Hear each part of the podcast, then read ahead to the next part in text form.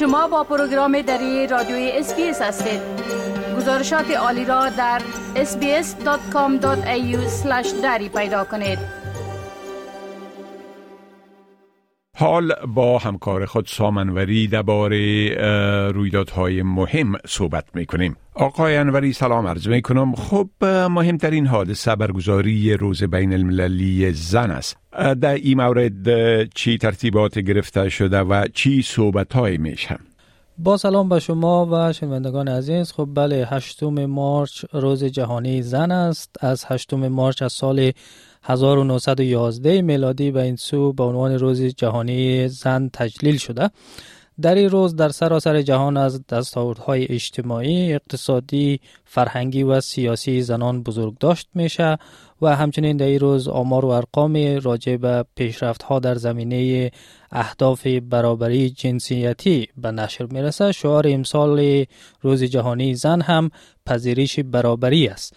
با این حال آنتونیو گوترش در بیرکل سازمان ملل متحد در آستانه ای روز هشدار داده که دستاوردهای بشر در زمینه برابری جنسیتی در حال محو شدن هستند و بخش زنان سازمان ملل اکنون پیش بینی می‌کنه که جهان 300 سال دیگر از برابری جنسیتی فاصله دارد.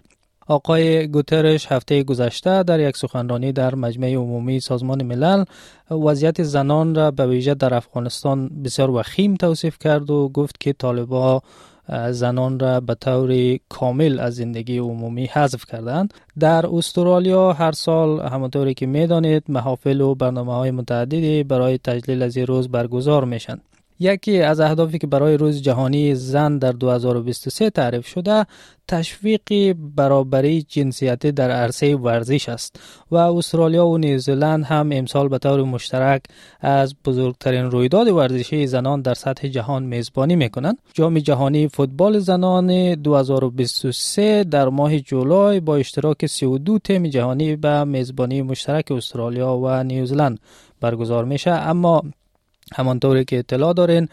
مسئله حمایت مالی عربستان از این جام با واکنش تند مقامات فوتبال استرالیا و نیوزلند مواجه شده و فدراسیون های فوتبال هر دو کشور در آستانه روز جهانی زن بار دیگر بر فیفا فشار آورده که توافق مالی خود را با عربستان سعودی لغو کنه. بله خب پاسخ فیفا در ای رابطه چی بوده و آیا این توافق امضا شده و یا هنوز امضا نشده؟ خب همانطوری که قبلا اشاره شد ابتدا در اوایل ماه فبروری گزارش های مبنی بر امضای یک توافق بین فدراسیون بینالمللی فوتبال یا فیفا و اداره گردشگری عربستان سعودی که به نام ویزیت سعودی یاد میشه.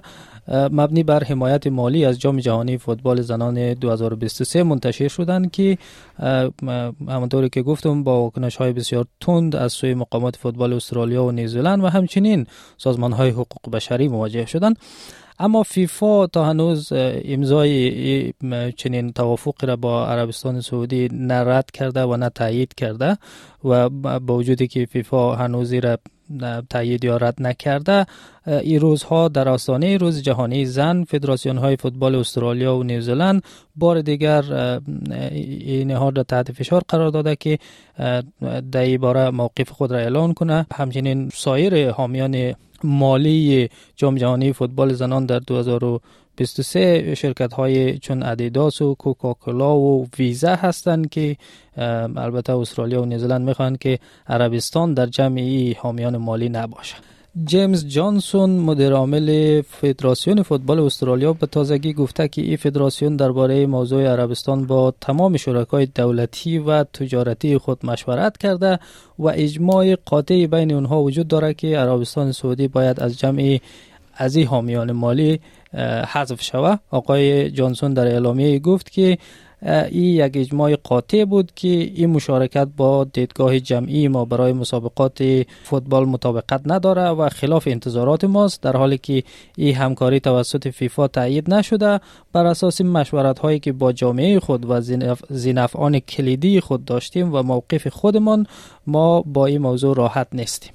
بله خب واکنش سازمان های حقوق بشر چطور بوده و چی اعتراضات از اونا چطور ابراز شده؟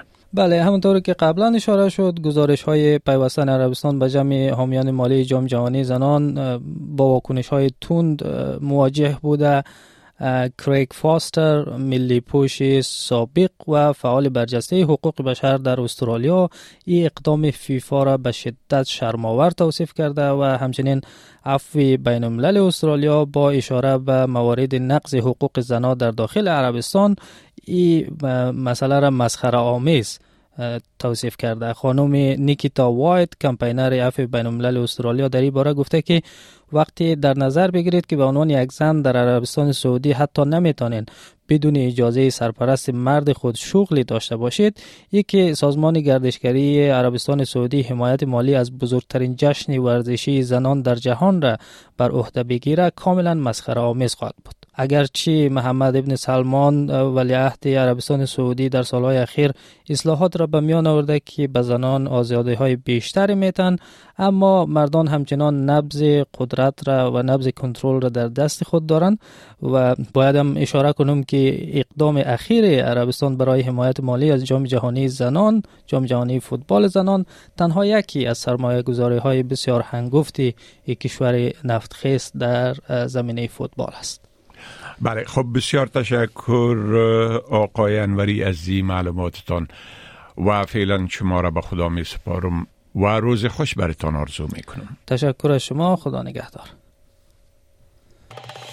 بپسندید شریک سازید و نظر دهید. اسپیس دری را در فیسبوک تعقیب کنید.